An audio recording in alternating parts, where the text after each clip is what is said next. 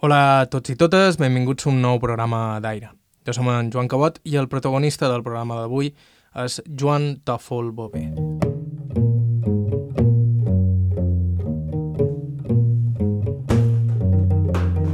De vegades m'acosta molt explicar què té d'especial un entrevistat o un altre. En realitat pot ser allò que dona sentit precisament en aquest programa és que els nostres protagonistes, en general, no tenen res d'especial, sinó que són gent corrent, amb vides corrents, com nosaltres mateixos. Per això crec és fàcil empatitzar amb els nostres testimonis, o potser és perquè quan ha dit les entrevistes les escolto una i una altra vegada i acab per estimar-me-les un poc. El protagonista del programa d'avui, excepte alguns fets que va viure quan era petit, és un gran exemple d'una vida en general bastant normal, però d'una humanitat rotunda. I a mi, com que som així d'arrogant, m'agrada pensar que, més enllà dels fets biogràfics i els detalls més o manco particulars de cadascú, la humanitat, la cosa humana, és precisament la matèria prima d'aquest programa. Estau escoltant Aire a IB3 Ràdio, us parla Joan Cabots. Començam.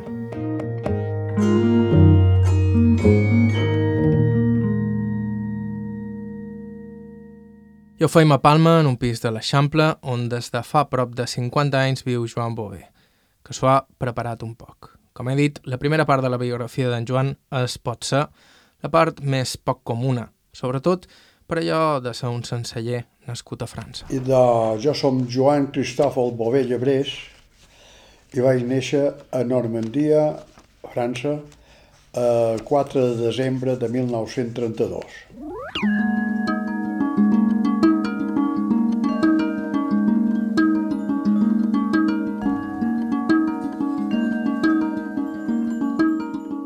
Pare era de Viniali i ma mare de Sencelles.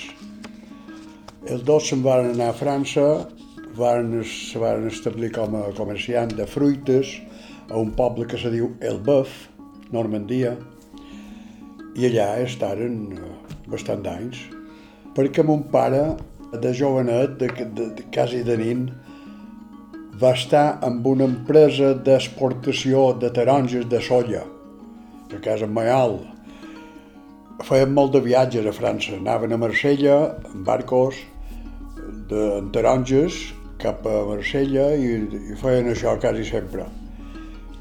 I aquest home li va inculcar la idea de, de com que dir, no t'agradaria tu venir per aquí, ara que ja coneix França un poc, d'aquests viatges que han fet i això.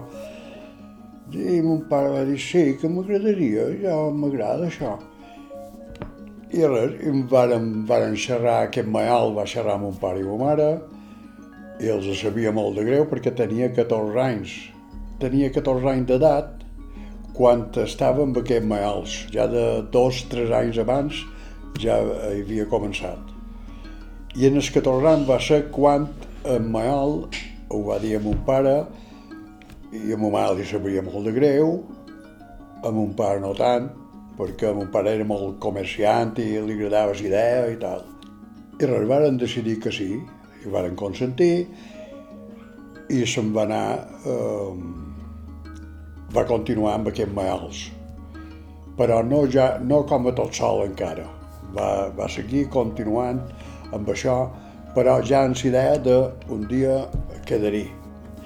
I quan van trobar que ja tenia edat abastament, se'n va anar ja tot sol a establir-se com a fruiter d'allà. Mon pare va estar allà fins a 27 anys a França. En els 27 va venir per casar-se ja tot, per correspondència ja havien tramat l'assumpte. I en els 27 anys va venir aquí i se varen casar i se'n va tornar amb ma mare i varen continuar en el negoci. Quant als fills, el matrimoni en tindria... Tres. La meva germana major, que també va néixer a França, jo i una germana a la segona. La, meva germana va néixer a Sencelles, sí. Com és que varen tornar els vostres pares? Perquè varen decidir un any eh, venir a passar vacacions. Ma mare s'enyorava molt. Mon pare era més... Eh, si hagués quedat de per vida, però ma mare s'enyorava molt. I va arribar un moment que varen decidir tornar a Mallorca. I va ser així que jo, tenint un any i mig, ja varen venir i ja quedaren per Sencelles. I a Sencelles varen, varen muntar un cafè. Mon pare havia comprat una casa a través d'un cunyat seu, germà de ma mare, per correspondència. Li havia dit aquella casa de la plaça, tal i qual, que és de la família i tal, mira si estava alt i me, compra-la mà. Compromet, te, te compromets per jo i jo la compro. Ho varen fer així, cosa impensable avui, avui en dia, de, de, de comprar una casa per correspondència i fiar-se de, de tot, amb una paraula. I, i, I en aquesta casa hi varen muntar un cafè, Cantòfol, que era el nom de mon pare, cafè Cantòfol. De petits jo vaig anar a escola les monges, com feien tots els nins, els primers quatre anys Després ja passàrem a l'escola pública i després eh, mon pare va voler que jo estudiés comptabilitat i vaig anar a Inca, una acadèmia d'estudis de, mercantils. I des cafè era, com a negoci era magre, com tot en aquell temps, eh, tot era molt magre. I mon pare s'havia de cercar altres coses perquè jo no donava per, per mantenir una família. Estent de figues, per exemple, llogava dones per, per encaixonar figues, estem d'obercots també per xapar obercots i vendre-los. Després, una vegada secs, encaixonats, els venien a un grossista d'Inca i estem de rem també llogava dones i teaven rem per un vinater de Binissalem i res, que anava, sempre anava cercant coses per, per, per sobreviure. Llavors, en aquell moments, mos devia pareixer normal tot el que veiem però ara comprenem que, que allò era una magró bastant forta. Sí, no, no, no hi havia res que sobrar, no hi havia una paraula, era, era tot molt, molt precari.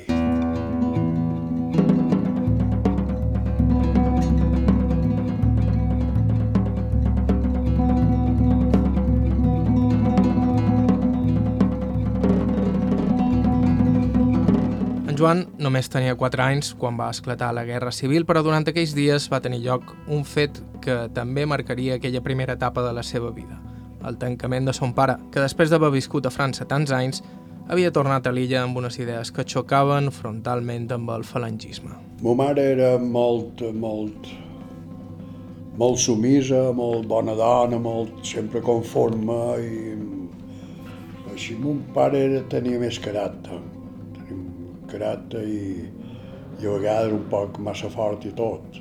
Quan varen tornar de França, que havíem muntat aquest cafè, eh, ell era, havia viscut l'ambient polític, diríem, francès, que no tenia res que veure amb d'aquí, que era un franquisme total, i ens, dins el cafè, en sos homes, no mirava molt prim en so xerrar.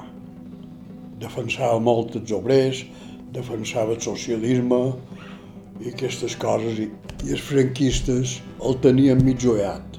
I fins que el varen coar, eh, suposa, franquistes de per aquí de Palma, i mos, mos tancaren el cafè. Mos varen precintar durant dos mesos.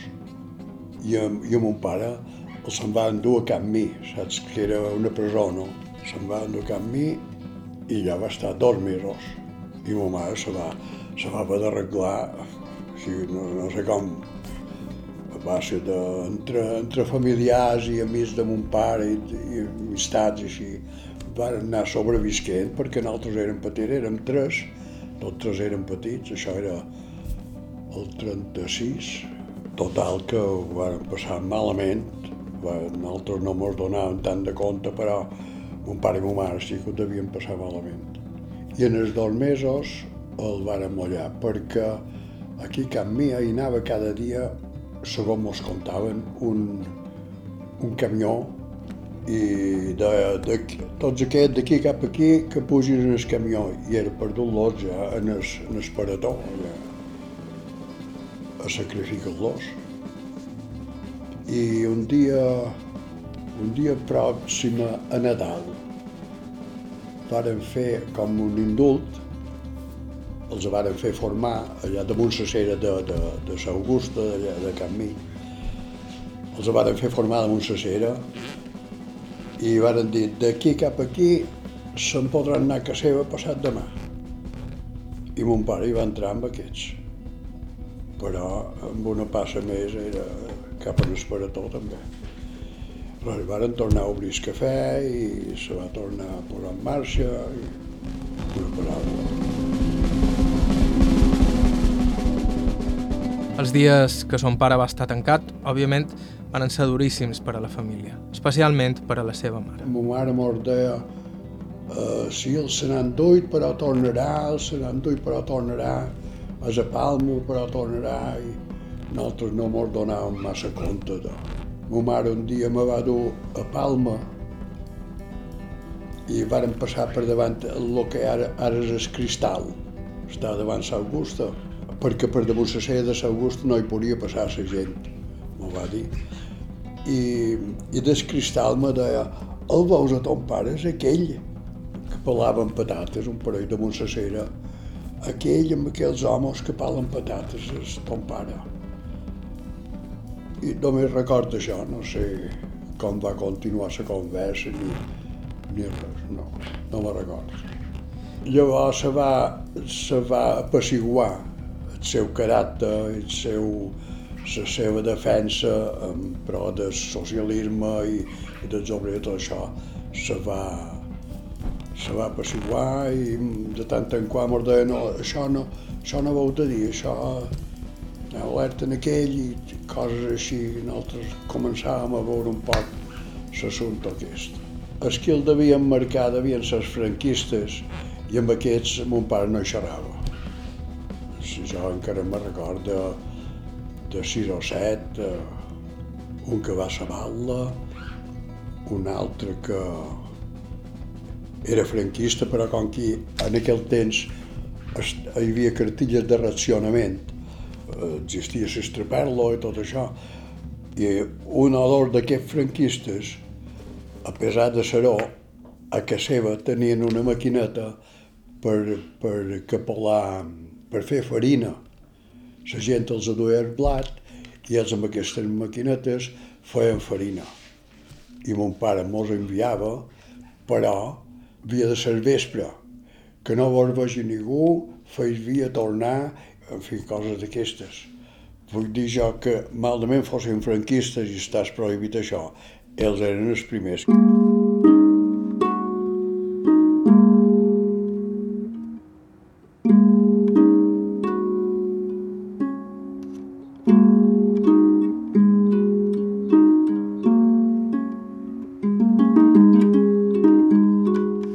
Així que no et sorprenent que son pare d'en Joan parlés amb nostàlgia de França, perquè sobretot era ell qui parlava del país als seus fills. Mon pare molt més que ma mare, ma mare també, però com que um, estava més contenta d'estar aquí que allà, i mon pare era el contrari. Mon pare sempre li va agradar molt a França, perquè les coses li havien anat bé allà, aquí no, havia de lluitar molt, era diferent, i però sí, mos parlaven i mos ensenyaven cançons i mos deien com se diu això i mos ensenyaven un poc de francès. De fet, la família tornaria a emigrar uns anys després. Ens ho explica Joan Tòfol Bové en una estona. Estau escoltant aire a IB3 Ràdio, feim una pausa i continuem.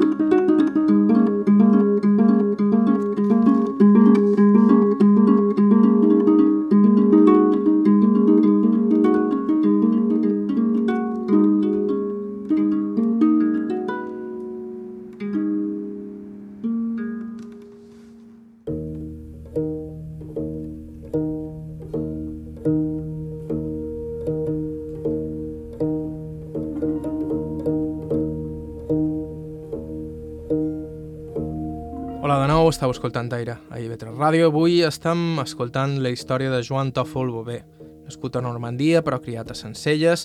Son pare, que havia obert un cafè en el poble després d'anys de fer feina de fruiter a França, va passar per la presó de Camp Mir, degut a les seves idees polítiques, però per sort va poder tornar a casa i reobrir el cafè. El seu fill, en Joan, encara a Mallorca i mentrestant va estudiar comptabilitat. Jo ja anava a l'escola pública fins que llavors, a d'haver 14, mon pare me va cercar aquell, aquest acadèmi i vàrem anar dos, com, dos amics meus i jo anàvem a estudiar comptabilitat allà. A Inca, en el carrer se deia Acadèmia d'Estudis Mercantils del carrer Alférez Esquivias, encara me record d'això. Un dels professors va saber-la, en Alfonso Reina, que era de, que era de càlcul, jo hi havia un tal Jaume Ferrer, que eres de comptabilitat, Jaume Balaguer, que eres de correspondència de comercial. I vos agradava? Sí, molt, molt. Jo la comptabilitat sempre m'ha agradat. Eh, hi vaig anar tres anys i durant aquest temps s'havia muntat una fàbrica de perles a Sencelles i va saber mon pare de, del senyor d'aquesta fàbrica que que cercaven qualcú perquè ajudàs a dur la comptabilitat a un alemany. Un alemany era el comptable principal d'allà, però necessitava qualcú que li entregàs la feina mig feta perquè ell vivia a Palma i només venia una vegada cada setmana Sencelles. I jo li tenia tot preparat i mon, i mon pare va aconseguir que el senyor m'acceptàs com a ajudant del comptable aquest jo li tenia tota la setmana, li havia preparat la feina, les ventes que s'havien fet, les compres, els pagaments de, en el personal, hi havia, érem 32 dones si mateix. Res, li, li tenia preparat i ell m'anava fent preguntes, jo li deia, això ho hem fet així, això tal, i qual i, i només estava el dissabte. No vos cregueu que havien passat molts d'anys. Quan Joan Bové va fer feina en aquesta fàbrica, només en tenia 17. 17 anys tenia, 17 anys, sí. Ja havia fet 3 anys de comptabilitat i vaig sortir amb un títol que se deia tècnic administratiu, li deien llavors. Sí, aquests tres anys vaig estar allà, res, molt bé, que nostra va ser una bona ajuda perquè una feina d'aquesta no se trobava fàcilment i eh, sobretot que a Sencella no hi havia res més. Com a, com a oficinistes, com a per dur comptabilitat de ningú, no. Cadascú duia la seva i no podien llogar ningú. Perquè Sencelles, llavors, era un poble eminentment pagès, com tants d'altres a les illes. Pagès total. Hi havia si mateix dones que feien feina per tallers de sabates d'Inca. Sí, però a part d'això, res. Eh, els homes anaven en el camp i les dones brodaven, feien feina per, per empreses de Palma o d'Inca o se dedicaven a això, a brodar. I aquestes altres a, a fer fer cortes de sabates per, per tallers d'Inca, fàbriques d'Inca i això. Però tot el més era pagesia. A la fàbrica... Vaig estar tres anys, no va arribar. En el de nou i pico me'n vaig anar, en els quasi 20, me'n vaig anar, vaig fer servici militar a Infanteria de Marina. Per, mon pare se va, se va informar perquè jo no estava registrat com a espanyol, jo el paper que tenia, l'únic paper, era una fe de naixement francesa. I se va informar i li varen dir ara és hora de que el teu fill faci el servici. Si, si no el vol fer, no passa res, però serà desertor. I si el vol fer, s'ha de nacionalitzar. I mon pare va trobar que m'havia de nacionalitzar aquí per poder fer servici i tenir i estar sempre tranquil·lament aquí. I ho varen fer així. Fer feina, vull dir, el servici a Infanteria de Marina, com a voluntari, perquè jo pensava que quedaria com a militar. I a la infanteria de marina, els voluntaris fan 4 anys de servici. No, és com, no era com els, els corps, de, els corps de, de terra, que en feien un any i mig o dos segons. Jo vaig firmar per 4 anys, però en els dos ja vaig veure que allò no m'agradava. En els dos no, abans i tot. Com és que vareu firmar per, per 4 anys i que volíeu quedar-hi?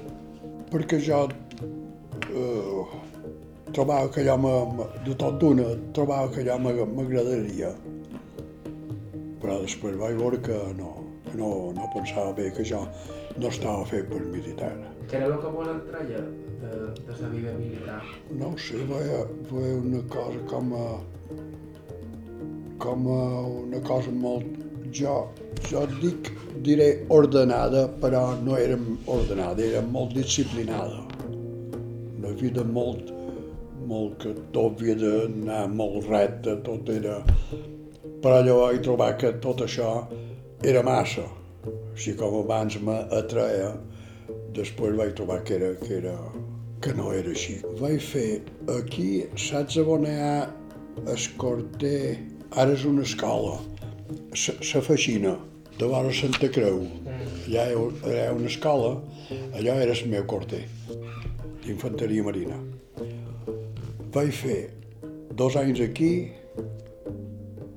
llavors els voluntaris s'havien d'anar a Cádiz a estudiar una especialitat que se deia defensa passiva. A Sant Fernando de Cádiz i hi vaig estar un any. Dos aquí, un allà. A l'any me tornaren, m'embarcaren. Vaig estar amb un barco, amb un canyoner, se deia. El canyoner Pizarro. I al cap de l'any me tornaren passant el corter, que havia estat i el darrer any el vaig fer aquí, en escolta aquest. Però el darrer any en què nostre, mon pare, mon pare, mon mare i sa germana petita, això ja en havien parlat abans, que havien de tornar a França, perquè mon, mare estava, mon pare estava enamorat d'allà. I ells se'n van anar l'any 55.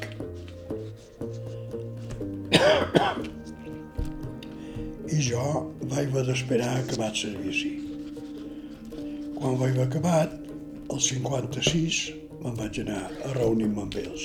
I vàrem estar en el negoci que havíem muntat, 7 o 8 anys vàrem estar allà. A Bourges, això era el centre de França, dins el departament del Cher, era una ciutat, eh, jo no sé quant d'habitants devia tenir, però, però era gran. A França me va, me va agradar molt era molt diferent d'aquí, eh, era una cosa molt diferent.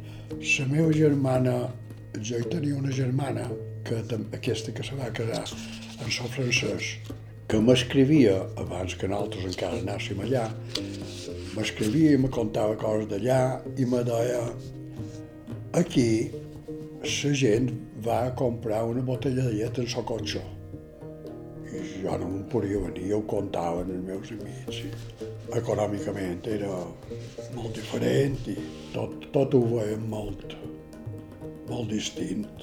El que tot d'una vaig notar va ser, no sé com ho dit, com, com una diferència grossa de, en, en general diré de, de l'ambient. Tant la gent com a més moderna, com a més ben vestida, la manera de xerrar com a més culta, diríem, veia que la gent se vivia millor que, que, que el que nosaltres havíem deixat per aquí. Per la meva germana no tant, perquè ella era com ma mare. Li agradava molt sencelles, va deixar ses amigues i tot això s'enyorava, i, però jo sí, jo, jo frisava de, de, frisava, vull dir, com m'agradava que, que, que vengués un dia nou, frisava de que fos demà per, per eh, veure i conèixer i aprendre més coses d'allà. Tot, tot, tot m'interessava. Jo abans de, quan feia el servici, sabent ja que havia d'anar a França, vaig anar en eh, l'aliança francesa que estava, no sé si encara és, en el carrer Sant Feliu, estava molt, estava molt a prop del Corter.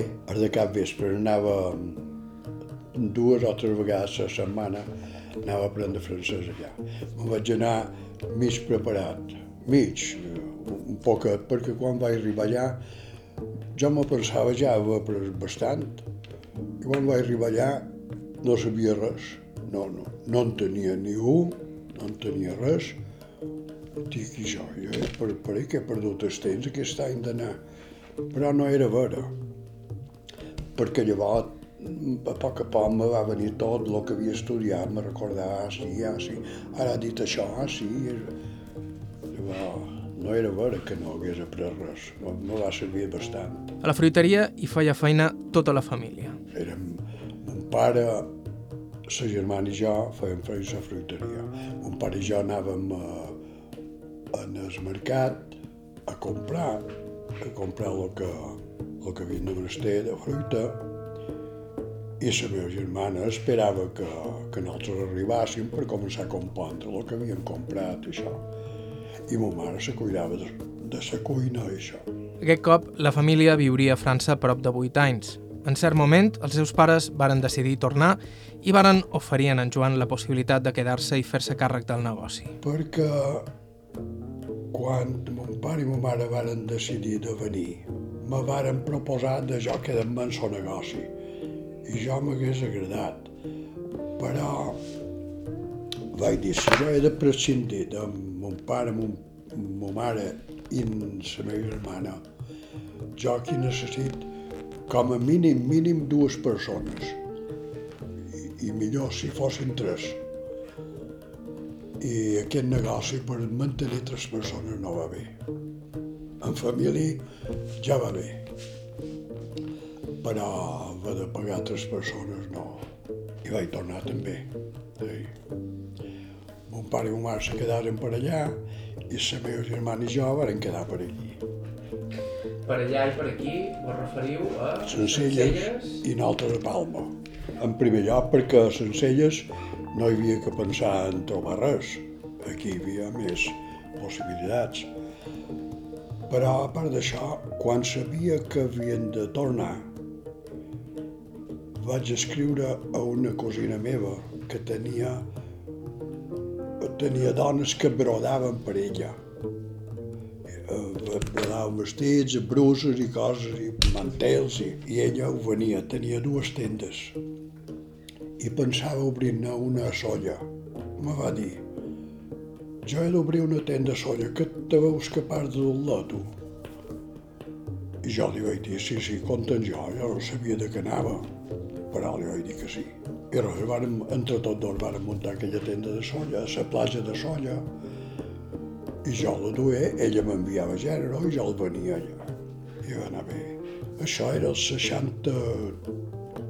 62 o 3. Sí, devia fer poc temps, un parell d'anys que havia començat el turisme. Bé, un ambient turístic, en Sivena està tancat allò, però en l'estiu eh, es respirava, estava molt bé.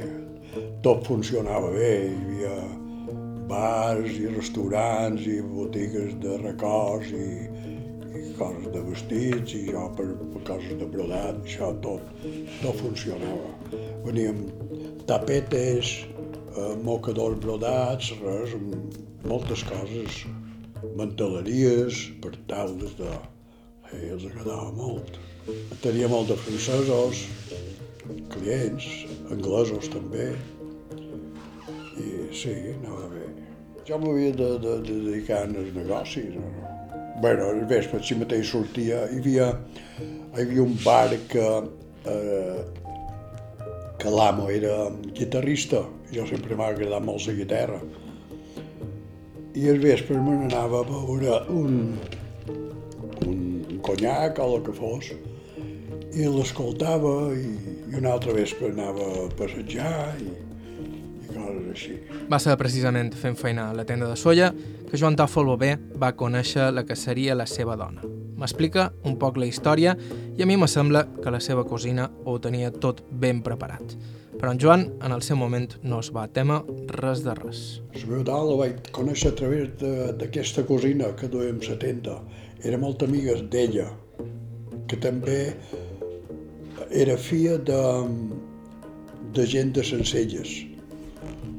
Aquesta cosina meva era molt amiga de eh, era Joana Serra i li va dir un dia vol que anem a, demà he d'anar a, Solla gènere en Joan vol que hi anem i passarem el dia per allà i mos banyarem i això. I aquesta amiga seva, que era la meva dona, li va dir sí, podem anar, me fa ganes. I mos varen conèixer allà, la me va presentar, mos varen conèixer. Diu, i per què no mos anem al vespre i quedarem a ballar? Veïnat de, de la meva tenda hi havia un hotel i a l'altre costat d'un altre. Hi havia un hotel que feien ball al vespre cada vespre i aquesta cosina, la Martina, diu per què no per què no quedam i aniríem més tard.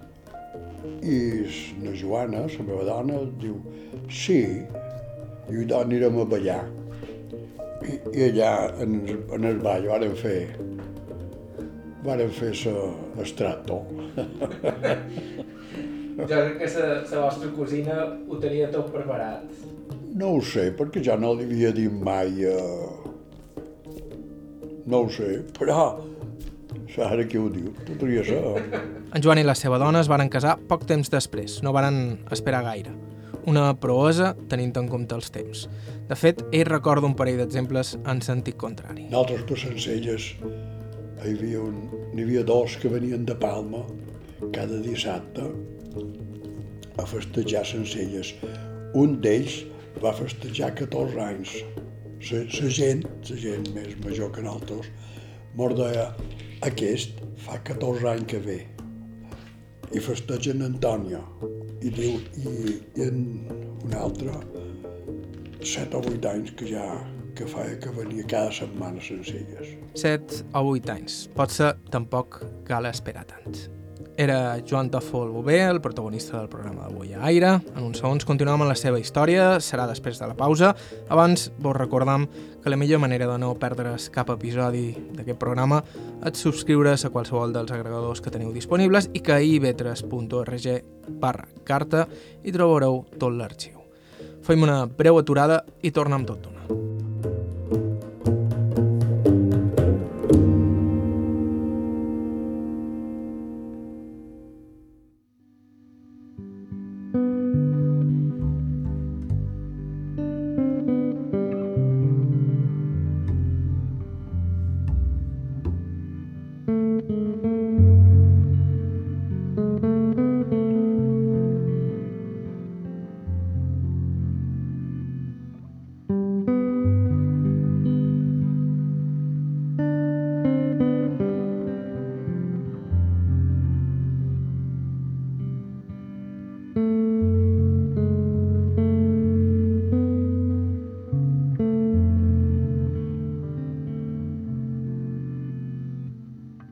Hola a tots de nou, som en Joan Cabot, això és Aire, i a Aire sempre estem cercant testimonis interessants.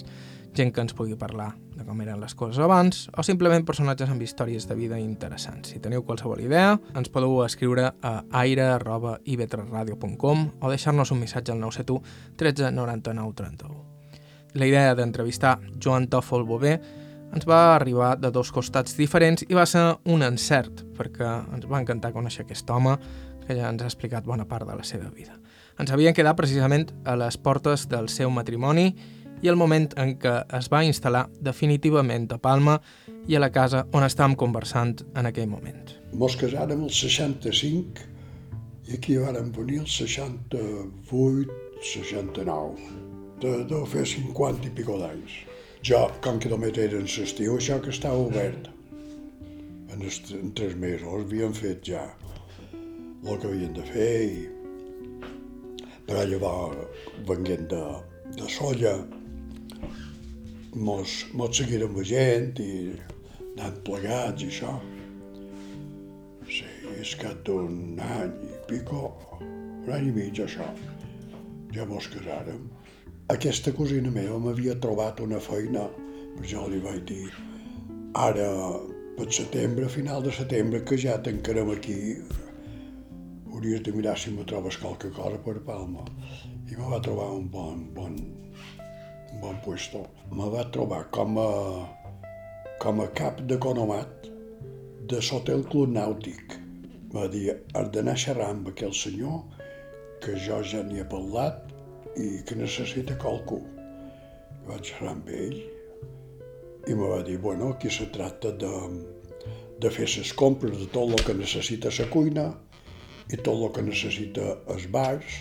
Tenien dos bars, aquest hotel, un del club i un de, de l'hotel mateix.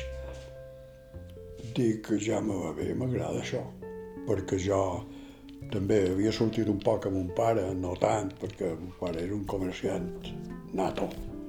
I res, vaig, ser, vaig estar de cap d'economat de, 11 anys, i vaig estar així mateix.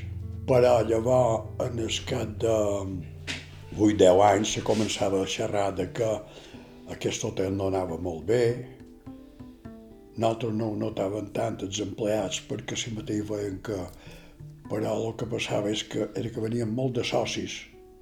Socis del club tenien, tenien dret a un 25% de descompte de, de lo que consumien en el restaurant. I això a la conec el va fotre en a l'amo. Venien massa socis i més poc gent de, que pagares total. I se va començar a rumorejar de que no anava massa bé i tal. I jo vaig dir a una cunyada meva, que feia feina a la Seguretat Social. Li vaig dir, per allà no hi hauria... Diu, no, ara entraria així, no? Ha de ser quan se faci una convocatòria per a oposicions. Dic, doncs, ja m'ho diràs, si n'hi ha cap. I al cap de poc temps me va dir, ara n'hi ha una. Ara n'hi ha una i necessiten tres places d'ordenança i no sé quants de, de, de caps d'equip. Dic, i doncs, què, què he de fer? Diu, jo te duré el temari i, i tu hauràs d'estudiar. I com a ordenança no era molta cosa, eren deu temes molt havien d'estudiar, de, de coses de seguretat social i això. I llavors, les quatre regles d'aritmètica principals, sumar, restar, multiplicar, dividir i poca cosa més. No demanàvem molt per ordenança i me va anar bé. Vaig entrar, havia, eh, necessitaven tres, jo vaig entrar a número dos. I al cap d'un parell d'anys hi va tornar a una convocatòria per, per auxiliars. Me vaig presentar i me torna a anar bé, però a la tercera vegada. Vaig presentar tres vegades, no, no arribava... Llavors ja demanaven més, ja demanaven mecanografia, havien de fer 250 pulsacions per minut. Després 25 temes, que abans eren 10 per ordenança i per auxiliar en 25 temes. I era, me va costar molt. Un cop dins la Seguretat Social, Joan Bové passaria per diferents oficines i diferents llocs de feina. La primera oficina va ser a Via Argentina, que ara és un club de tercera edat. Davant, darrere aquesta, allà on vaig fer servici, que hi havia Argentina, a darrere hi havia aquesta, aquesta oficina de, de Seguretat Social. Després d'aquí varen passar a Reina Esclaramunda. De Reina Esclaramunda a la Rambla. I de la Rambla vaig saber que hi havia, que hi havia com una convocatòria, que no era una convocatòria, que els que tenien tant de punts, pels anys que duen allà o per el que fos, no sé què era, tenien dret a demanar per ser caps d'equip. Ho vaig demanar i me va anar bé.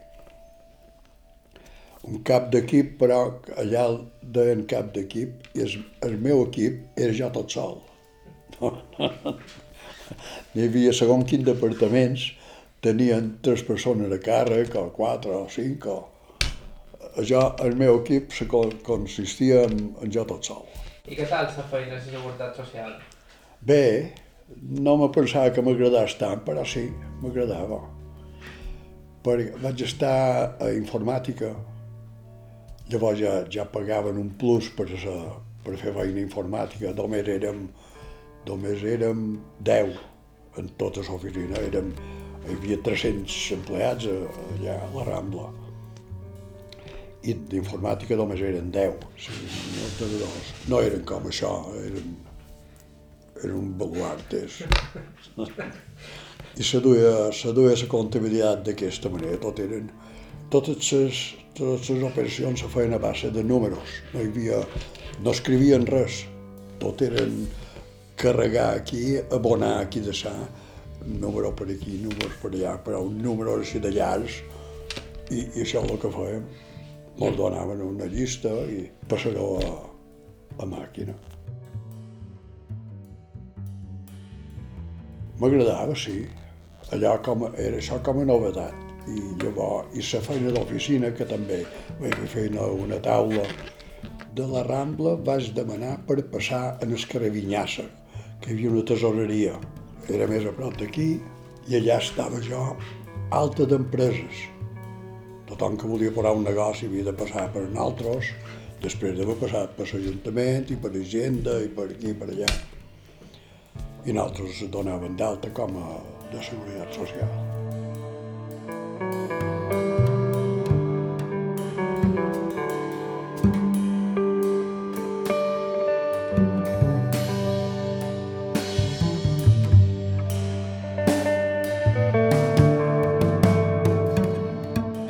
La dona d'en Joan, a qui m'expliquen ell va adorar fins al darrer moment, va morir fa només un any.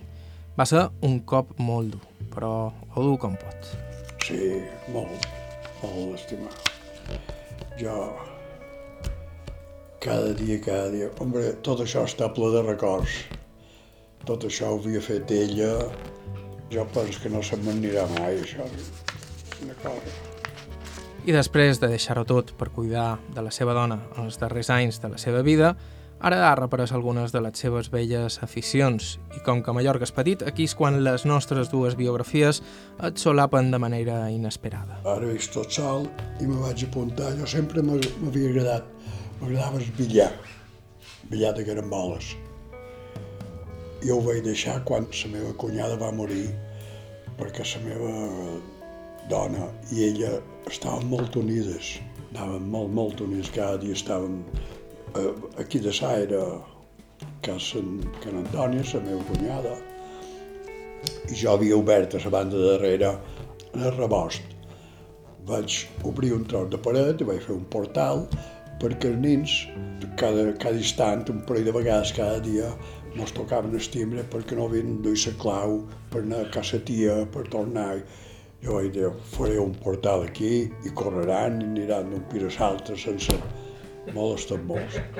Quan se va morir sa cunyada, ella va pegar una baixada que jo vaig dir no, no sortirà. Jo anava a la universitat, vaig anar quatre anys a la universitat, d'això de, que diuen UOM, però quan va passar això vaig deixar la universitat, vaig deixar la coral que també cantava, vaig deixar tot el billar, la música, I es billar quan vos hi vareu aficionar? el billar de cara i sempre. No sé si has sentit parlar d'un tal Pedro Nadal.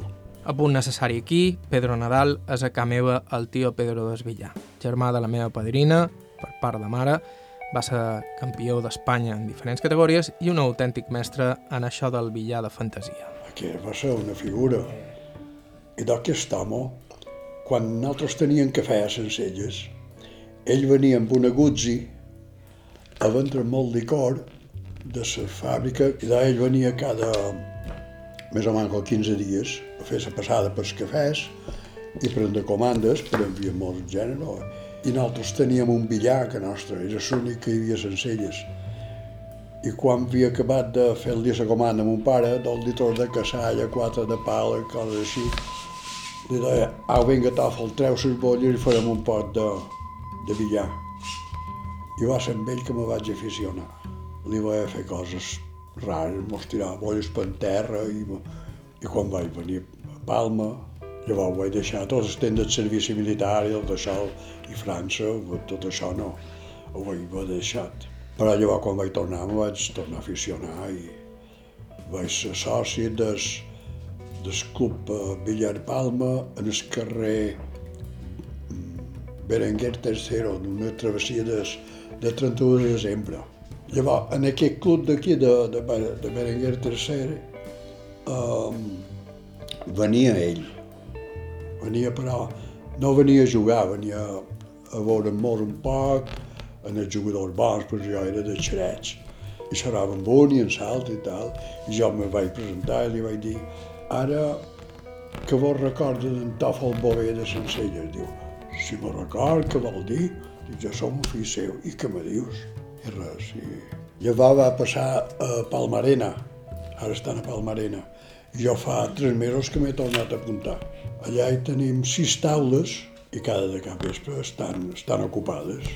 Un dia d'aquests hauré de passar per allà, a veure si això del billar té a veure en la genètica. Per desgràcia, matem que no.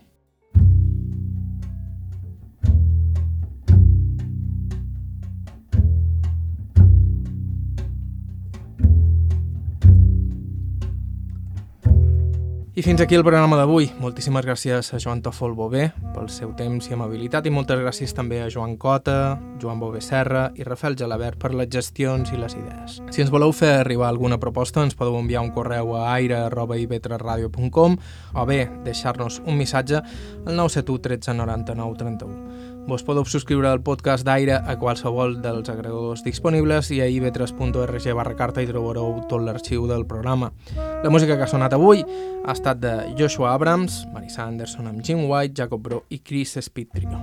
Bàrbara Ferrer. A la producció executiva us ha parlat Joan Cabot, gràcies per ser a l'altre costat i fins la setmana que ve.